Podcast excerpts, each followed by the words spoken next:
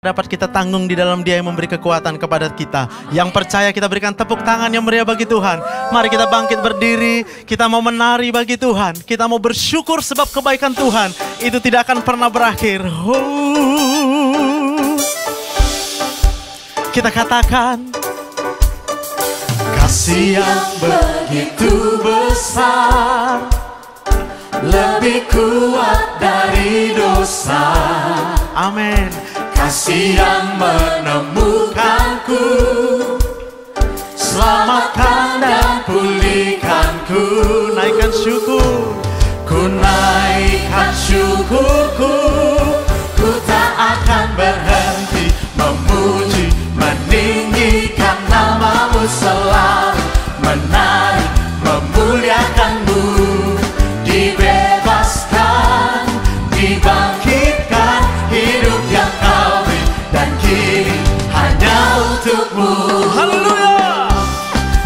masih hidup. Kami berikan hidup kami hanya untukmu Tuhan. Hei Kami katakan Kasih yang begitu besar Lebih kuat dari dosa. Kasih yang menemukanku Selamatkan Selamatkan dan pulihkanku. Naikkan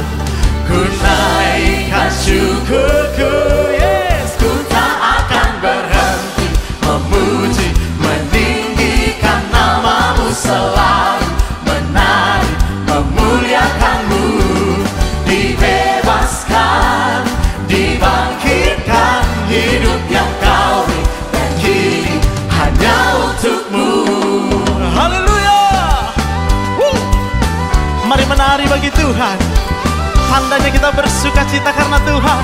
Hey, hey. Hati yang gembira adalah obat yang manjur. Kami percaya. Mari naikkan syukur.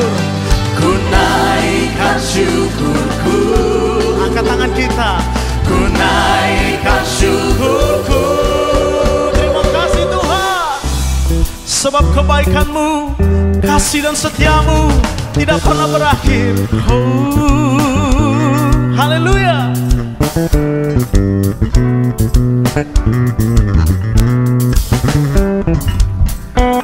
Biarlah setiap hati kita bersuka cita pagi ini Hanya karena Tuhan Katakan ku tak akan berhenti Memuji, meninggikan namamu selalu Menari,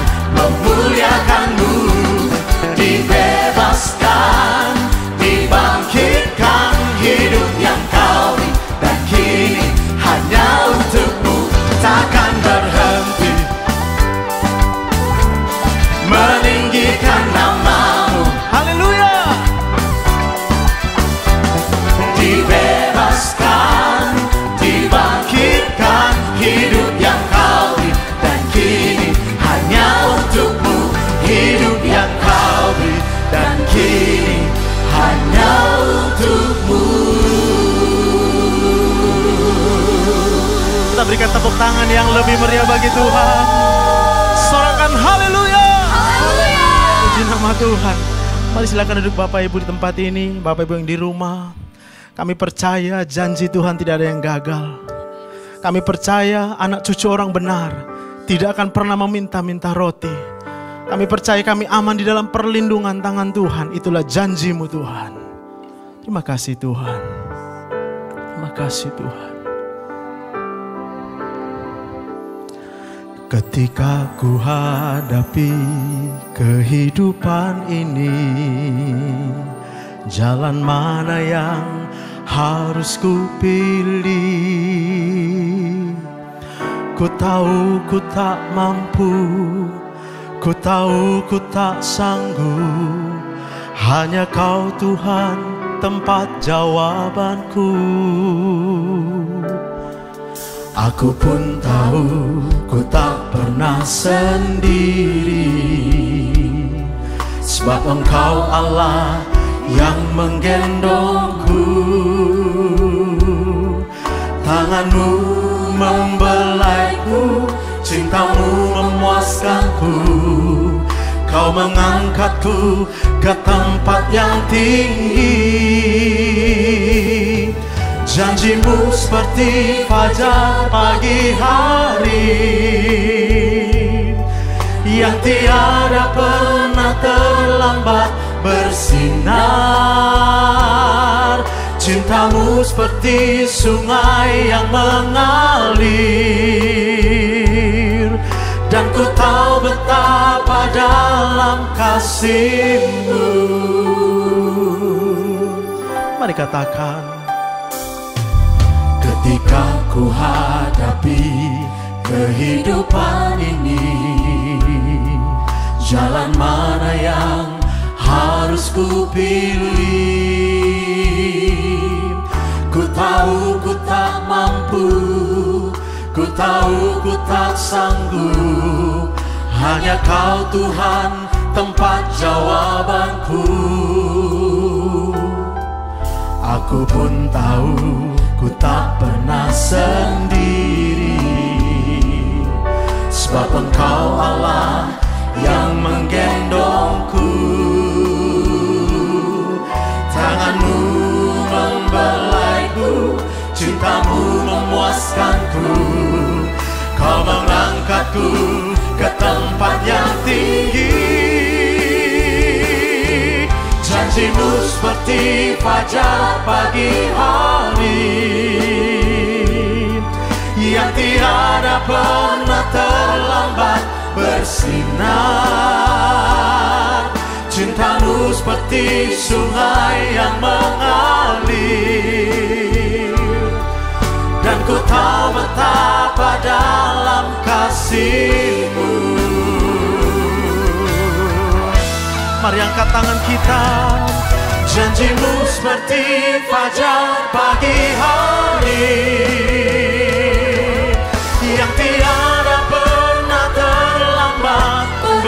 bersinar Cintamu seperti sungai yang mengalir. Dan ku tahu betapa dalam kasihmu. Dan ku tahu betapa dalam kasihmu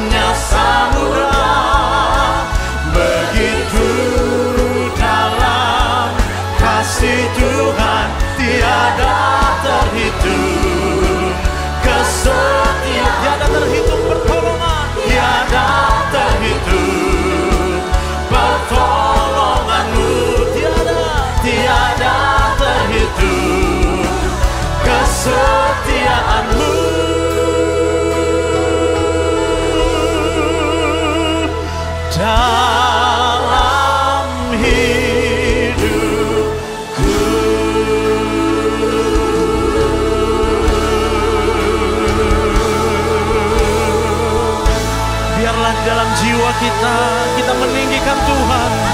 Biarlah jiwa kita bersorak-sorai bagi Tuhan. Biarlah mulut kita memuliakan Tuhan. Biarlah hati kita bersuka cita karena Tuhan. Sebab janji-janjinya yang tidak pernah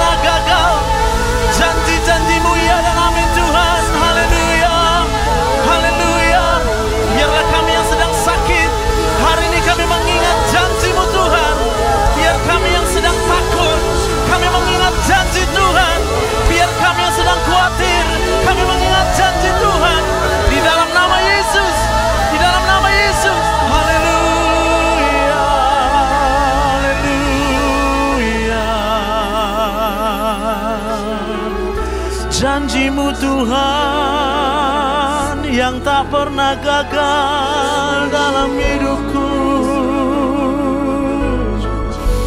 Anugerahmu berlimpah. Mari angkat suara kita. Mulai menyembah Tuhan. Oh.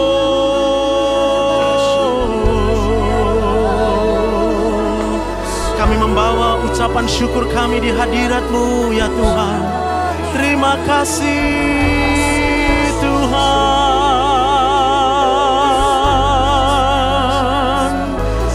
karena pertolonganmu oleh karena pertolonganmu itu tepat pada waktunya. Oh, oh ya ra la ra la ra ba la ba la ra ba la ba la ba la ba la ba la ba la ya ra la ra la ra ba ya sanu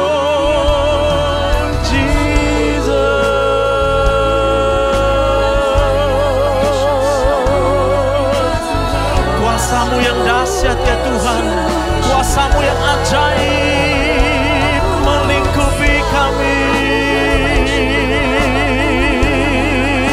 Oh ya la la la la la bala bala bala Kia la la la la la maya santo Biarlah hati kami saat ini hanya tertuju kepadamu Tuhan Biarlah segenap pikiran kami tertuju kepada janjimu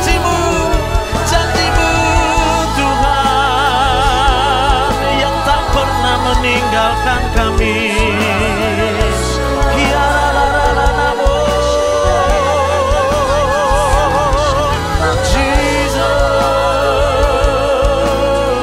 Segenap kekuatan kami untuk menyembah Tuhan Segenap nafas kami untuk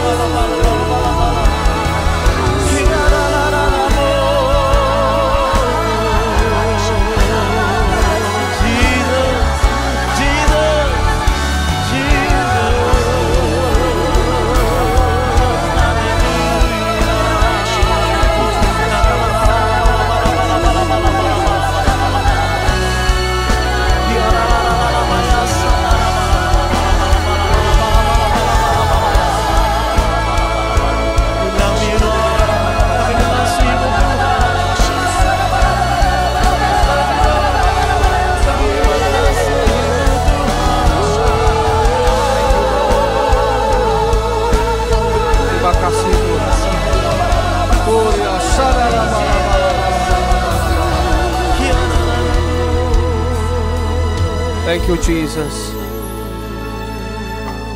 Pagi hari ini kami semuanya datang dan bersyukur di hadapan-Mu Tuhan. Terima kasih karena kami mengingat betapa baiknya Engkau. Sertailah seluruh ibadah yang berlangsung di semua tempat pada minggu pagi ini. Bahkan Tuhan memberkati live streaming dari rumah persembahan di mana kami melayani Tuhan. Berita-berita yang menyegarkan, berita-berita yang menguatkan. Pesan-pesan dari Tuhan, janji-janji dari Tuhan.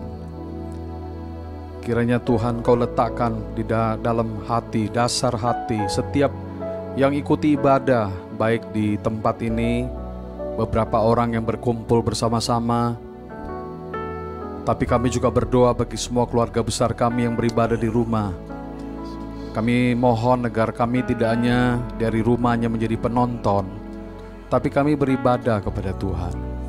Hadirlah Engkau, berkatilah setiap keluarga, berkatilah setiap pribadi, dan urapilah Tuhan seluruh message, seluruh pesan yang kami sedang sampaikan dalam sepanjang bulan ini untuk membawa setiap pribadi kami untuk kembali merenungkan tentang betapa hebatnya janjimu. Terima kasih Tuhan. Kami mengucap syukur, tolong hambamu, tolong setiap kami hari ini untuk mengalami damai sejahtera, sentuhan yang khusus. Yang lemah dikuatkan, yang susah Tuhan hiburkan hatinya, yang sakit disembuhkan. Terpujilah Engkau Bapa. Dalam nama Tuhan Yesus, kami berdoa dan kami mengucap syukur. Bersama-sama kita semuanya berkata, Amin. Mari kita beri kemuliaan kepada Tuhan. Puji Tuhan. Shalom semuanya. Ya, pada pagi hari ini kita masih uh, bicara dalam satu tema besar yang menjadi khotbah berseri setiap minggu. Kita telah mendengar dari para pemimpin kita, para hamba-hamba Tuhan yang meletakkan foundations ya dari setiap perikop, setiap tema yang dibicarakan dan khususnya pada pagi ini merupakan sebuah message atau pesan lanjutan yang berbicara tentang tema besar kita ini dari Mazmur 18:30 yaitu tentang janji Tuhan adalah perisai hidupku.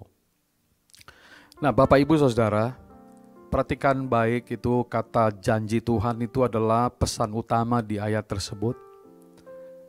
Janji Tuhan itulah yang pertama. Dan yang kedua, perisai hidupku. Di janji Tuhan kita berlindung. Ayatnya Mazmur 18:30 lengkapnya berbunyi Adapun Allah jalannya sempurna, perfect. Tidak ada cacat, tidak ada kekurangan, tidak ada kelemahan. Begitu sempurna, ya. Tidak ada kata yang lebih tinggi dari kata sempurna. Jadi yang kalau sudah sempurna ya sempurna. Jadi saudara firman Tuhan berkata adapun Allah jalannya sempurna, janjinya itu murni, dia menjadi perisai. Dari situ ayat ini. Dia menjadi perisai bagi semua orang yang berlindung kepadanya. Nah jadi saudara itu adalah tema besar kita. Kita lari hari ini, hari-hari ini bahkan dan berlindung kepada janji-janji Tuhan. Dan yang berjanji ini Tuhan. Jadi tidak akan ada kesalahan di situ. Ya. Tidak ada kesalahan, bahkan kesalahan sekecil apa pun. Kalau manusia masih banyak berbuat kesalahan. Tapi kalau janji Tuhan, oh tidak ada kesalahannya. Saudara saya khususnya hari ini mengambil sebagai subtemanya itu adalah dari 2 Petrus pasal 3 ayat 9. Selengkapnya berkata, Tuhan tidak lalai menepati janjinya, sekalipun ada orang yang menganggapnya sebagai kelalaian.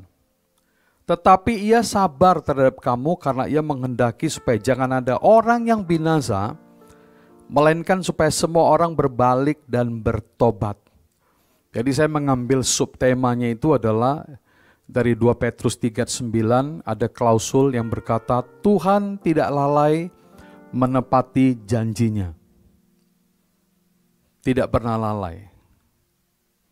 Tidak ada kelalaian. Tuhan bukan pribadi yang bisa berbuat kelalaian itu, Saudara.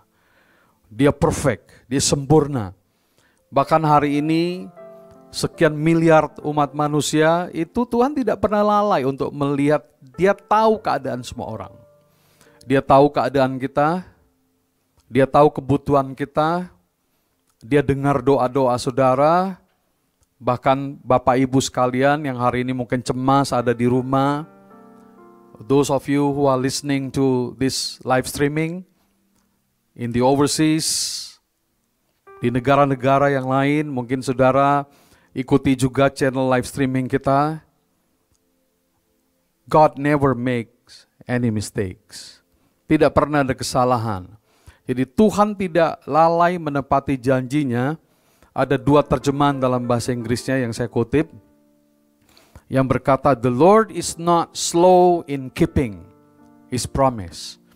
Bahwa Tuhan itu tidak lambat menepati janjinya. Nggak pernah terlambat, selalu on time. Kita yang anggap itu lalai. Kita yang anggap itu seperti sebuah keterlambatan. Tetapi Tuhan bekerja sesuai dengan timing dia. In His time. Dalam waktunya Tuhan sendiri. Jadi Bapak Ibu Saudara sekalian, seperti tadi kita mengambil dari kitab 2 Petrus pasal 3 ayat 9 yang berkata Tuhan tidak lalai walaupun ada orang yang menganggap sebagai kelalaian. Kalau saudara baca seluruh perikop itu adalah orang-orang pencemooh-pencemooh yang menuding, yang berkata, mana Allahmu, mana janjinya yang berkata dia mau datang, ya, dan segala macam. Ada protes, ada kritikan, ada keluhan yang diucapkan oleh para pencemooh kalau saudara baca dalam 2 Petrus 3 itu. Lalu Petrus menjawab, Petrus berkata, Tuhan tidak lalai menepati janjinya. Luar biasa saudara. Jadi, the Lord is not slow in keeping his promise. Dalam Amplified Bible, di sini dikatakan, the Lord does not delay his promise. Allah tidak menunda. Kadang kita yang pikir ada penundaan. Tapi Tuhan tidak menunda. The Lord does not delay His promise. Jadi hari ini saudara kita ada di tempat ini, apa janji Tuhan kepada saudara? Anda sedang menantikan janji apa yang akan digenapi? Pasti akan digenapi. Saya berdiri hari ini tadi pagi saya merenungkan kira-kira perjalanan hidup saya sebagai seorang hamba Tuhan yang terpanggil melayani Tuhan, Dulu saya punya cita-cita yang berbeda. Walaupun saya merasa senang sekali untuk melayani Tuhan, akhirnya memang saya bertekuk lutut dalam panggilan Tuhan. Ada empat orang hamba Tuhan dari negara yang berbeda-beda. Ada yang satu tidak bertemu dengan saya tapi hanya melihat sebuah foto saja. Dan waktu itu saya sedang berada di tempat yang lain. Pendeta ini tanya, ini foto ini orangnya mana? Lalu pada saat itu saya punya seorang gembala waktu itu. Kami bersama-sama. Gembala sidang saya yang lama, almarhum Bapak Pendeta Nathanael. Beliau berkata, oh ini salah satu asisten kami. Beliau sedang berada di Thailand. Saya sedang berada di Thailand. Melayani di Thailand. Di kota Chiang Rai. Nah saudara waktu itu ada nubuatan yang datang. Tentang panggilan Tuhan dalam kehidupan saya. Dan gembala sidang saya memberitahu itu Lalu ada seorang dari Amerika, seorang dari Indonesia, orang yang tidak saya kenal. Tetapi ada sebuah nubuatan, doa pada saat kami berbicara. Yang terakhir, seorang Finlandia. Tetapi ini semuanya belum membuat saya itu bertekuk lutut, saudara. Saya pikir, loh, kalau Tuhan bicara melalui mereka, saya sedang berdoa, Tuhan juga berbicaralah kepada saya. Sebab saya sedang menekuni pendidikan saya untuk cita-cita yang saya inginkan pada waktu itu. Walaupun saya senang sekali melayani Tuhan. Nah saudara pada saat itu saya mulai bergumul dan berdoa. Saya mengambil doa puasa, bertanya kepada Tuhan. Dan Tuhan memberikan janji. Dan saudara saya renungkan janji itulah. Yang hari ini saya tanya Tuhan apakah aku akan menjadi hambamu? Apakah aku akan melayanimu sebagai hambamu? Saudara pada waktu itu dalam masa doa puasa itu menjelang hari yang ketiga. Ada sebuah ayat yang Tuhan letakkan di hati saya. Seingat saya belum pernah saya baca ayat itu. Dari Yesaya pasal Yesaya 49. Tuhan berkata, terlalu kecil bagiku engkau menjadi hambaku. Ingat tadi pertanyaan saya itu, permohonan saya, Tuhan apakah aku akan menjadi hambamu? Jawaban Tuhan begitu luar biasa. Tuhan bilang, terlalu kecil kamu menjadi hambaku. Aku akan pakai engkau menjadi terang bagi bangsa-bangsa. Dan seterusnya. Saudara, saya merenungkan ayat itu di dalam perjalanan hidup saya. mulai melayani dari tempat yang kecil. Tapi ada janjinya yang luar biasa. Yang menjadi tuntunan di dalam perjalanan hidup saya. Di situlah saya melihat bagaimana Tuhan membukakan pelayanan yang makin hari makin besar, makin besar, makin besar. Di lokal, di Medan, Indonesia. Lalu Tuhan janji kau akan menjadi terang bagi bangsa-bangsa. Nah saudara saya ter, terheran-heran ketika Tuhan membawa saya masuk ke bangsa-bangsa. Melayani di bangsa-bangsa. Seminar, KKR, khotbah, mengajar. Sebagai pengajar, sebagai dosen. Bukankah Tuhan itu baik? Dia, dia menepati janjinya. Dia juga akan menepati janjinya untuk saudara semuanya. Tuhan tidak lalai menepati janjinya. The Lord is not slow in keeping his promise. Bapak Ibu Saudara, janji bukan sesuatu yang uh, tidak kita pahami. Bahkan dalam bahasa Indonesia sebenarnya ada tiga kata yang punya uh, jenjang yang beda-beda, level yang beda-beda. Yang pertama adalah janji, yang kedua adalah ikrar, yang juga janji, tapi yang lebih tinggi tingkatnya. Kemudian yang ketiga adalah sumpah, lebih tinggi lagi. Nah saudara ketiga kata ini mirip namun mempunyai kadar yang beda, level yang beda. Janji bisa diucapkan setiap saat, itu kepada orang tua, istri, anak, keponakan, teman, dan lain-lain. Ikrar tingkatannya lebih tinggi karena itu keluar dari sebuah tekad, peneguhan hati, yang ketiga sumpah.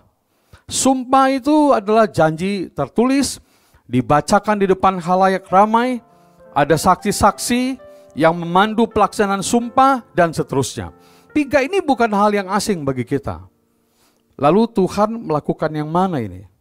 Saudara di dalam konsep Tuhan, maka janji Tuhan itu adalah ikrarnya dan juga sekaligus sumpahnya. Makanya dalam bahasa Inggris di dalam Alkitab ada dua kata. Satu kata promise, satu lagi kata covenant. Jadi ada dua kata. Covenant tentu lebih tinggi lagi daripada sebuah promise. Tetapi hari-hari ini kita melihat bahwa yang namanya janji Tuhan itu itu tidak ada duanya deh saudara. Nah saya sedikit ingin menunjukkan kepada kita tentang theology of promise. Bahwa ada dasarnya bagi kita untuk percaya kepada janji Tuhan. Tidak semua janji itu bisa digenapi kepada semua orang dengan sembarangan. Saudara mari kita lihat dengan pelan, dengan hati-hati. 2 Petrus 1 ayat 3 dulu ya yang berkata begini, karena saya tidak bisa ke ayat 4 kalau tidak bicara di ayat 3. Mari kita lihat di ayat yang ketiga yang berkata begini. Karena kuasa ilahinya, mari kita perhatikan dengan baik. Kuasa ilahinya, ini bicara tentang kuasa ilahi daripada Tuhan kita saudara. Yesus Kristus. Karena kuasa ilahinya telah menganugerahkan kepada kita segala sesuatu yang berguna untuk hidup yang saleh. Kita nggak bisa hidup yang saleh kalau kita tidak dilingkupi oleh kuasa ilahi daripada Tuhan. Dari mana kuasa ilahi itu turun kepada kita selalu kita bisa hidup saleh? Itu karena pengenalan akan dia. Ketika saudara kenal dia, saudara akan hidupnya beda. Hidupnya saleh. Hidupnya buah, berbuah. Jadi saudara, dia yang telah memanggil kita oleh kuasanya yang mulia dan ajaib. Itulah platform kita yang pertama. Sebelum kita bicara janji ini harus ada lebih dulu. Jadi the theology of promise seperti itu saudara. Harus ada pengenalan akan Tuhan. Harus ada sebuah gaya hidup yang disebut gaya hidup kesalehan itu. Lalu Tuhan memanggil kita dengan kuasanya yang mulia dan ajaib. Nah saudara sekarang lihat ayat 4. Ini ayat yang penting sekali di dalam mengerti teologi janji ini. Ayat 4 berkata, dengan jalan itu, perhatikan baik, dengan jalan itu ia telah menganugerahkan kepada kita apa? janji-janji. Baru kita bertemu dengan kata itu saudara. Jadi janji Tuhan tuh bagi anak-anaknya. Bagi orang-orang yang mengasihi dia, orang-orang yang percaya kepada dia. Hari ini saya percaya ketika Tuhan sedang menuntun kita, mengingatkan kita kepada janji-janji Tuhan, maka saudara harus ingat bahwa ada janji Tuhan yang bakal digenapi oleh Tuhan kepada anak-anaknya. Lalu kepada kita janji-janji seperti apa janjinya itu? Dikatakan janji-janji yang berharga, sangat besar, supaya olehnya kamu boleh mengambil bagian dalam kodrat ilahi dan luput dari hawa nafsu dunia yang membinasakan dunia. Nah saudara ini tidak perlu terlalu eh, panjang lebar saya bicarakan, tapi dalam perjanjian lama kata janji dalam bahasa Ibrani tidak ada kata yang khusus atau konsep yang khusus tentang tindakan janji. Dalam perjanjian lama bahasa Ibrani kata janji itu sebenarnya adalah kata, eh, dua kata itu berkata dan berbicara. Yang diambil dari kata amar dan dafar diterjemahkan janji dalam Alkitab Alkitab bahasa-bahasa lain. Jadi lucu, dalam konsep Ibrani, setiap kata saudara janji. Setiap Anda berbicara, itu seperti sebuah janji. Itulah sebuah pemahaman global, jadi tidak ada istilah yang khusus. Dan demikian juga di dalam perjanjian baru, kata janji, evangelia, itu berbicara tentang janji yang begitu uh, istimewa sekali yang berbicara tentang janji Bapa. Evangelion to Petros, Patros. The promise of the Father, janji Bapa. Ya saudara, mari kita dengan cepat melihat ada eh, ayat-ayat uh, yang indah sekali tentang janji Tuhan. Saya kutip beberapa, mari kita mulai perhatikan pertama janjimu sangat teruji, hambamu mencintainya. Daud ini. Yang kedua saudara perhatikan. Dari segala yang baik yang dijanjikan Tuhan kepada kaum Israel, tidak ada yang tidak dipenuhi. Semuanya terpenuhi. Jadi God's promise is always fulfilled. Selalu dipenuhi dalam dalam versi uh, mudah dibaca itu dia VMD itu versi mudah dibaca itu mengatakan begini Tuhan memegang janji yang dibuatnya kepada orang Israel. Tidak ada dari semua janji Tuhan yang gagal. Bisa katakan amin saudara. Hari ini tidak ada janji Tuhan yang akan gagal. Perhatikan ayat ini Yosua 23 14 itu berkata, maka sekarang sebentar lagi aku akan menempuh jalan segala yang fana, sebab itu insyaflah dengan segenap hatimu, dengan segenap jiwamu. Nah garis bawah ini, bahwa satu pun dari segala yang baik yang telah dijanjikan Tuhan kepadamu oleh Tuhan Allahmu, tidak ada yang tidak dipenuhi. Semuanya telah digenapi bagimu, tidak ada satupun yang tidak dipenuhi. Wow, betapa hebatnya saudara, janji Tuhan. Tapi syaratnya yang tadi itu, the theology of promise itu, sebagai anak Tuhan, janjinya itu akan dipenuhi bagi saudara. Ada yang umum, ada janji Tuhan yang khusus, yang mungkin spesial Tuhan bicara kepada saudara, itu pasti akan digenapi oleh Tuhan. Kemudian next, saya kutip lagi satu ayat lagi sebelum kita melihat bahwa di sini dikatakan tadi ayat tema saya ini, subtema saya hari ini. Tuhan itu tidak lalai menepati janjinya, tidak pernah lalai saudara. Betapa mantapnya saudara janji Tuhan. Nah ini satu lagi, satu ayat lagi. Saya sengaja memang memberikan kepada kita ayat-ayat ini untuk kita memahami betapa powerful, hebatnya janji Tuhan. Perhatikan yang berikutnya, Mazmur 12 ayat 7 berkata, Janji Tuhan adalah janji yang murni, bagikan perak yang teruji, Nah saya agak tertarik dengan kata ini, tujuh kali dimurnikan. Apa maksudnya itu? Ya orang berbicara angka tujuh, angka sempurna. Tujuh kali janji itu dimurnikan dalam dapur peleburan di tanah. Nah saudara, bila Anda memperhatikan kemasan minyak goreng, maka Anda akan menemukan ada kemasan yang diberi label dua kali penyaringan. Mengapa harus ada penyaringan sampai dua kali? Tentu ada alasannya saudara.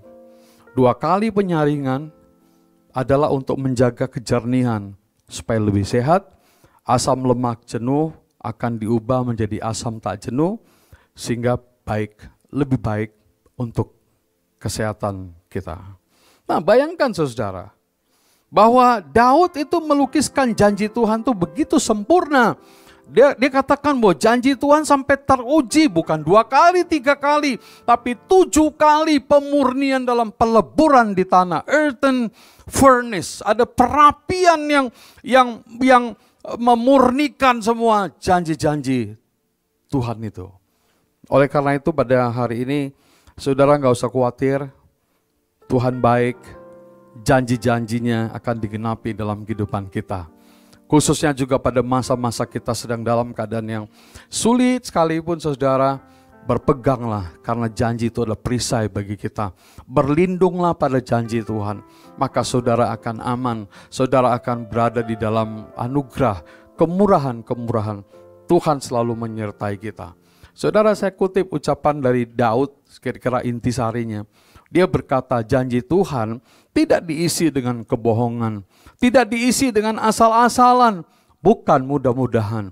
Janji Tuhan itu mengandung kebenaran dan kepastian yang mutlak. Saudara, itulah janji daripada Tuhan. Bagaimanakah janji Tuhan dan janji manusia? Ayat ini berkata dalam bilangan 23 19, Allah bukanlah manusia sehingga dia berdusta. Artinya manusia suka berdusta. Janji-janji kita kadang-kadang tidak bisa kita penuhi. Malah kadang-kadang ada janji-janji yang berbohong kepada orang lain. Tapi firman Tuhan berkata, Allah itu bukan manusia sehingga dia berdusta, bukan anak manusia sehingga dia menyesal. Masakannya berfirman dan tidak melakukannya, atau dia berbicara dan tidak menepatinya. Oh saudara, Tuhan pasti menepati janjinya. Hari ini mungkin saudara sedang berdoa untuk sesuatu, ada janji Tuhan, dia akan memberikan pertolongan kepada kita. Saya kutip hamba Tuhan Billy Graham yang berkata begini, From one end of the Bible to the other, God assures us that He will never go back on His promises. Artinya, dari satu sudut ke sudut yang lain dari Alkitab Tuhan memastikan kita bahwa He will never go back. Bahwa dia tidak akan membelakangi, bahwa dia tidak akan mengingkari on His promise. Tuhan tidak akan pernah mengingkari janji, janjinya saudara. Janji Tuhan dalam Alkitab ribuan. Ada yang mengatakan uh, sumber yang mengatakan 3573 janji, ada juga yang perhitungannya 5467, ada yang juga bilang 7000. Nah saudara-saudara, itu tergantung dari bahasa, tergantung dari berbagai macam uh, uh, eksegesa dan lain-lain sebagainya.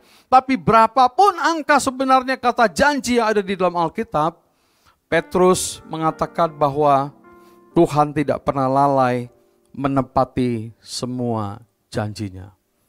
Never delay never slow. Tuhan bekerja sesuai dengan waktunya Tuhan.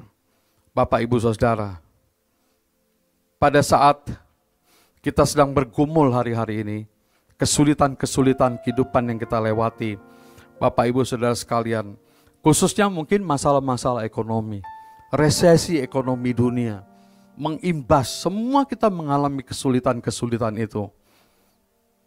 Bagaimana Adakah janji Tuhan yang bisa kita pegang? Saudara ada janji Tuhan. dalam kitab Filipi 4:19. Allahku akan memenuhi segala keperluanmu menurut kekayaan dan kemuliaannya dalam Kristus Yesus. Bisa katakan amin saudara? Amin. Mari kita angkat pujian ini. Allahku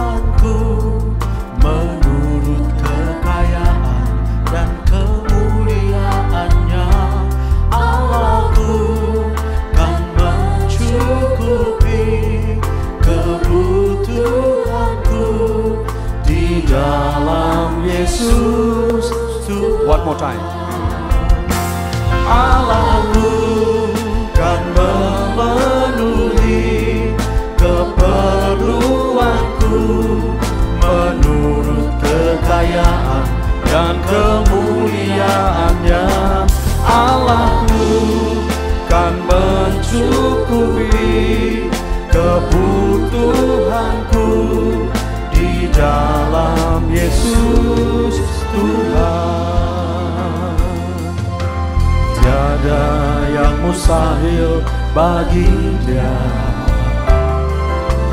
Ajaib segala perbuatannya. Segala perkara ku tanggung dalam dia. Di dalam kekuatan kuasanya. Di dalam kekuatan kuasanya. Allahku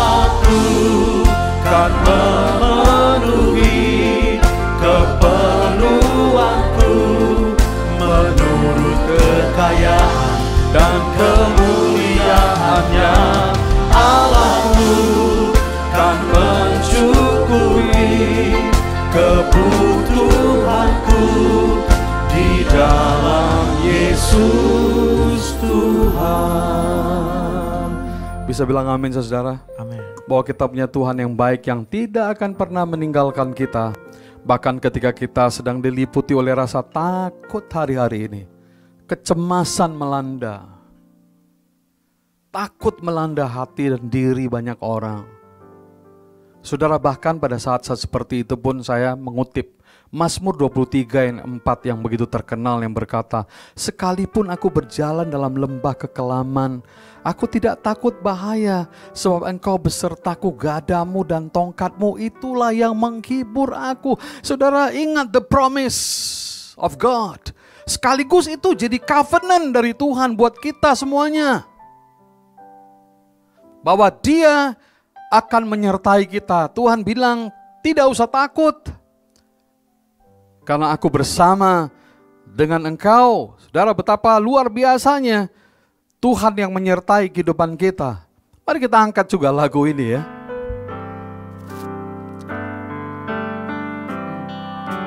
Tuhan adalah gembalaku Takkan kekurangan aku Ia membaringkan aku Di padang yang berumput hijau. Ia membimbingku ke air yang tenang. Ia menyegarkan jiwaku. Ia menuntunku ke jalan yang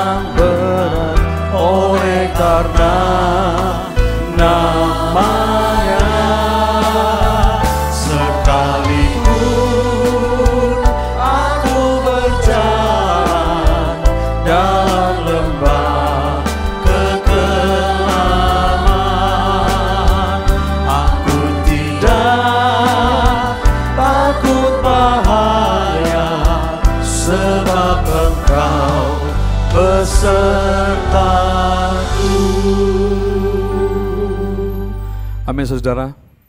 Mari kita lihat beberapa slide lagi. Saya akan segera mengakhiri khotbah ini. Saudara, ingat bahwa God by nature is a promiser.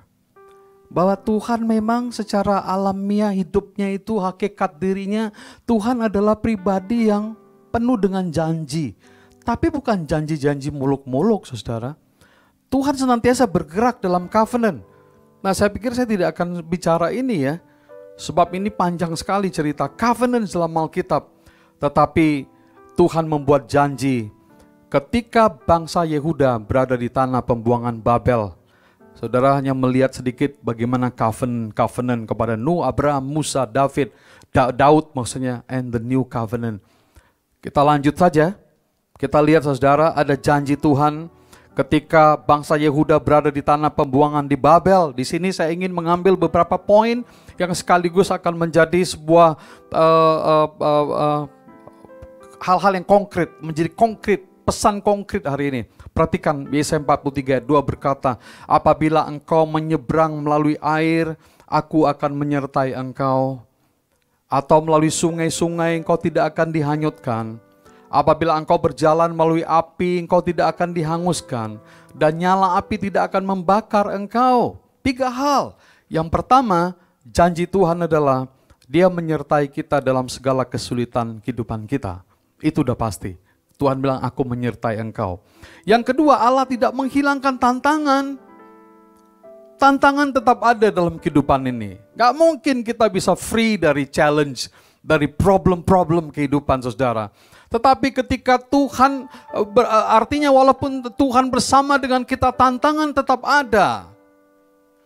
Itu yang kedua yang kita harus tahu. Kemudian yang ketiga, Allah meminta kita untuk terus melangkah menghadapi tantangan-tantangan tersebut, bukan menghindarinya. Kenapa? Karena Tuhan menyertai kita saudara. Satu kutipan yang indah sekali dari Martin Luther King Jr. berkata begini, The ultimate measure of man is not where he stands in moments of comfort and convenience, but where he stands at times of challenge and controversy. Yang artinya, ukuran yang utama dari seseorang bukanlah di mana posisinya berdiri ketika masa-masa yang senang dan nyaman. Tetapi where he stands, lebih kepada di mana dia berdiri at times of challenge. Ketika ada masa-masa yang penuh dengan challenge dan penuh dengan tantangan saudara. Gandhi berkata, strength does not come from winning, Kekuatan itu bukan berasal dari kemenangan. Your struggles develop your strengths. Tetapi pergumulan-pergumulan hidup mulai yang membangun kekuatan. When you go through hardship, ketika engkau melewati segala kesulitan and decide not to surrender dan engkau memutuskan tidak akan menyerah, that is strength. Itulah dia kekuatan bagi hidupmu. Hari ini jangan pernah menyerah. Kesulitan ini seperti yang dikatakan badai akan berlalu saudara. Kita akan tiba pada suatu ketika di mana kita melihat, wow, melihat belakang, bagaimana Tuhan telah menolong kita, bagaimana Tuhan telah menyertai kita. Ada tiga, ada ada penutup yang saya ingin bagikan kepada kita. Yang pertama, saudara perhatikan, suasana apa pun saat ini yang sedang kita alami, percayalah kepada Tuhan bahwa semua itu akan menemui jalan terbaik yang menggembirakan akan tepat pada waktunya. Yang kedua, jangan memaksakan kehendak ataupun berjanji pada orang lain kalau janji itu tidak bisa kita tepati. Karena tadi saya katakan bahwa konsep orang Ibrani tidak ada kata janji, tapi semua kata dan bicara itu adalah janji saudara. Ketika Anda ngomong dengan seorang, ingat itu adalah janji saudara. Walaupun mungkin Anda sedang tidak berjanji, tapi begitulah konsep itu dalamnya. Oleh karena itu jangan membuat janji yang tidak bisa Anda penuhi. Dan yang ketiga dan yang terakhir, ini benar-benar sesuatu yang baru uh, saya renungkan ini belum pernah saya lihat selama hidup saya ayat uh, kalimat uh, khususnya ada satu kata yang penting nih uh, slide yang terakhir yang berkata begini saudara perhatikan iya maksudnya Tuhan very touching nih ia ingat untuk selama-lamanya akan perjanjiannya. Jadi nggak ada batasan waktunya. Selama-lamanya Tuhan ingat janjinya. Firman yang diperintahkannya kepada seribu angkatan. Oh my goodness. Seribu angkatan saudara. yang diikatnya dengan Abraham dan akan sumpahnya kepada Ishak. Diadakannya hal itu untuk menjadi ketetapan bagi Yakub untuk menjadi peringatan kekal bagi Israel. Saya saya terkagum dengan kata itu, yaitu kata seribu angkatan. Saudara, luar biasa, angkatan generasi demi generasi. Dan saya percaya kita masih ada di dalam angkatan ini, saudara. Angkatan ini masih, ini sebuah statement yang artinya tidak ada limitnya bahwa Tuhan akan ingat janjinya untuk selama-lamanya dan janjinya itu tidak pernah uh, berkurang, janjinya tidak pernah lalai. Tuhan pasti akan menepati janjinya buat kita semuanya. Puji Tuhan saudara, semoga firman yang saudara dengar pada hari ini memberikan sebuah kekuatan yang baru bagi saudara semuanya. Doa saya siapa pun kita hari ini, kiranya Tuhan memberkati kita. Mari kita berdiri semuanya.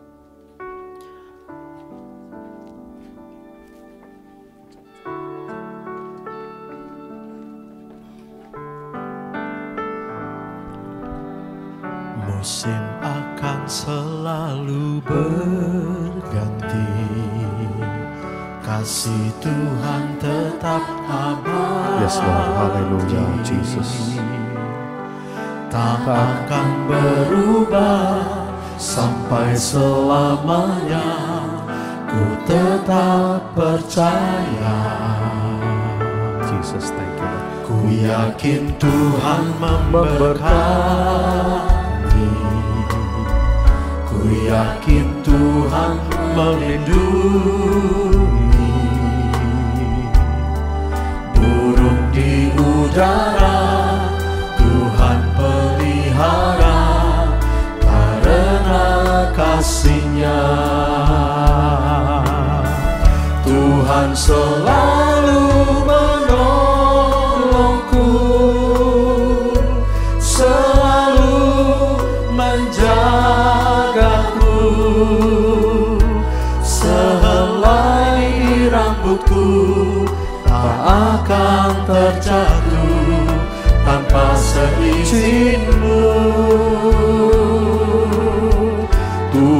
Tuhan selalu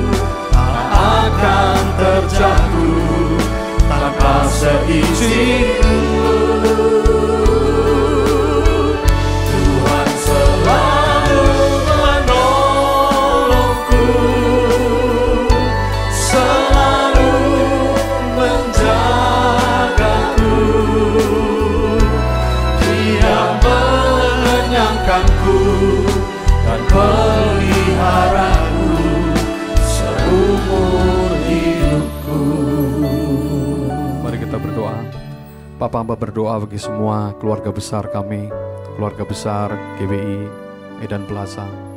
Yang hari-hari ini sudah lama kami tidak bertatap muka dan berjumpa dalam pelayanan gereja secara onsite. Tuhan datanglah, berkatilah, dan kunjungilah mereka.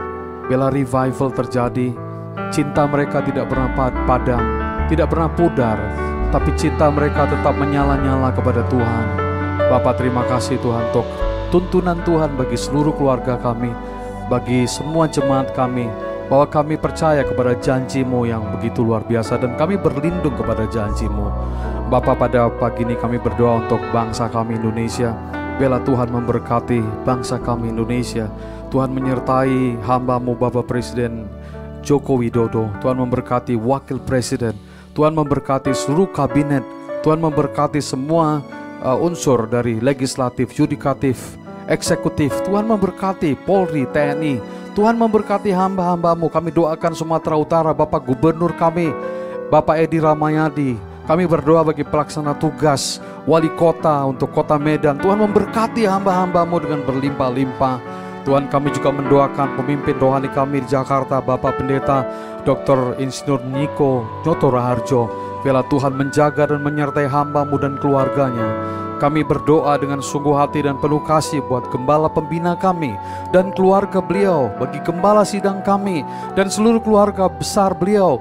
Tuhan menyertai semua hamba-hamba Tuhan, keluarga besar kami, GBI Rumah Persembahan, GBI Medan Plaza dalam perlindungan Tuhan. Terima kasih untuk anugerahmu. Secara khusus pada pagi ini kami mendoakan bagi semua jemaat yang memberikan persembahan mereka melalui QR, melalui transfer bank, dengan penuh kasih sayang hamba-hambamu tetap setia untuk menaburkan benih, menaburkan berkat-berkat untuk pelayanan, untuk kemuliaan nama Tuhan. Tuhan aku berdoa biar lumbung-lumbung mereka tidak akan pernah berkurang, tapi melimpah dengan anugerah dan berkat-berkat yang yang yang yang tidak masuk akal. Biarlah pada masa sulit seperti ini, pada masa resesi seperti ini, anugerah Tuhan akan mengenyangkan mereka.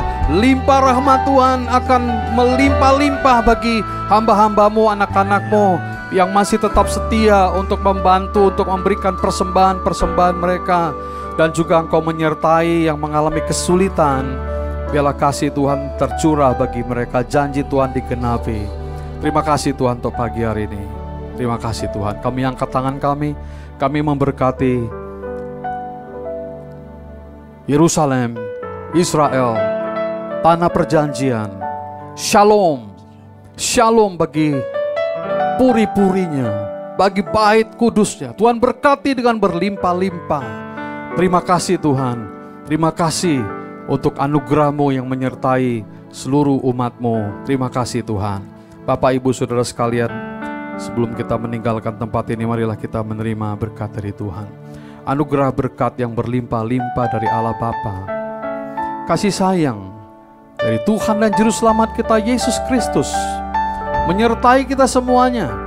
Dalam persekutuan yang manis dengan Roh Kudus menyertai kita sekalian. Mulai hari ini sampai Maranatha Tuhan Yesus datang.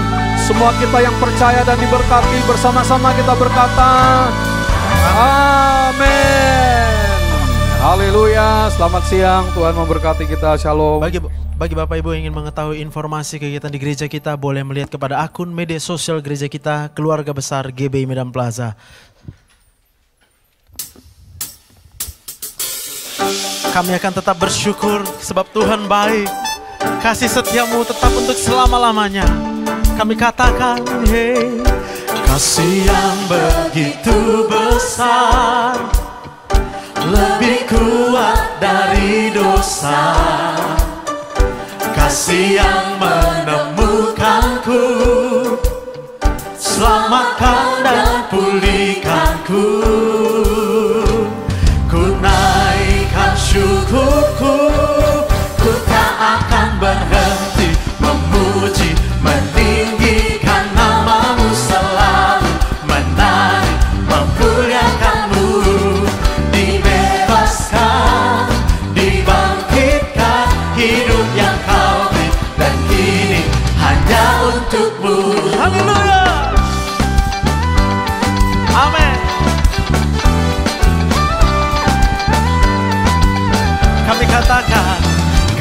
yang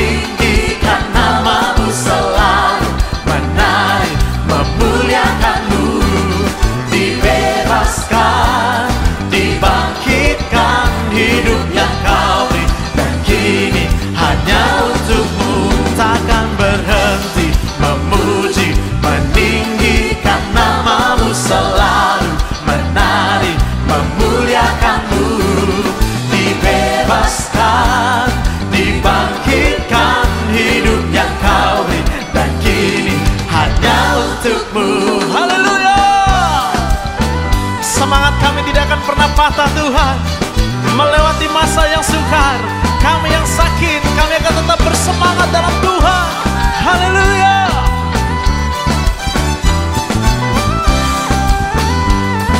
Kami naikkan syukur. Ku naikkan syukurku. Ku naikkan syukurku biarlah kami menari untuk Tuhan. Haleluya.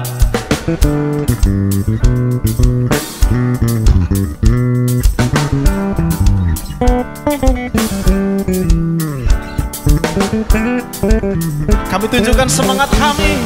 Ku tak akan berhenti memuji, meninggikan namamu selalu.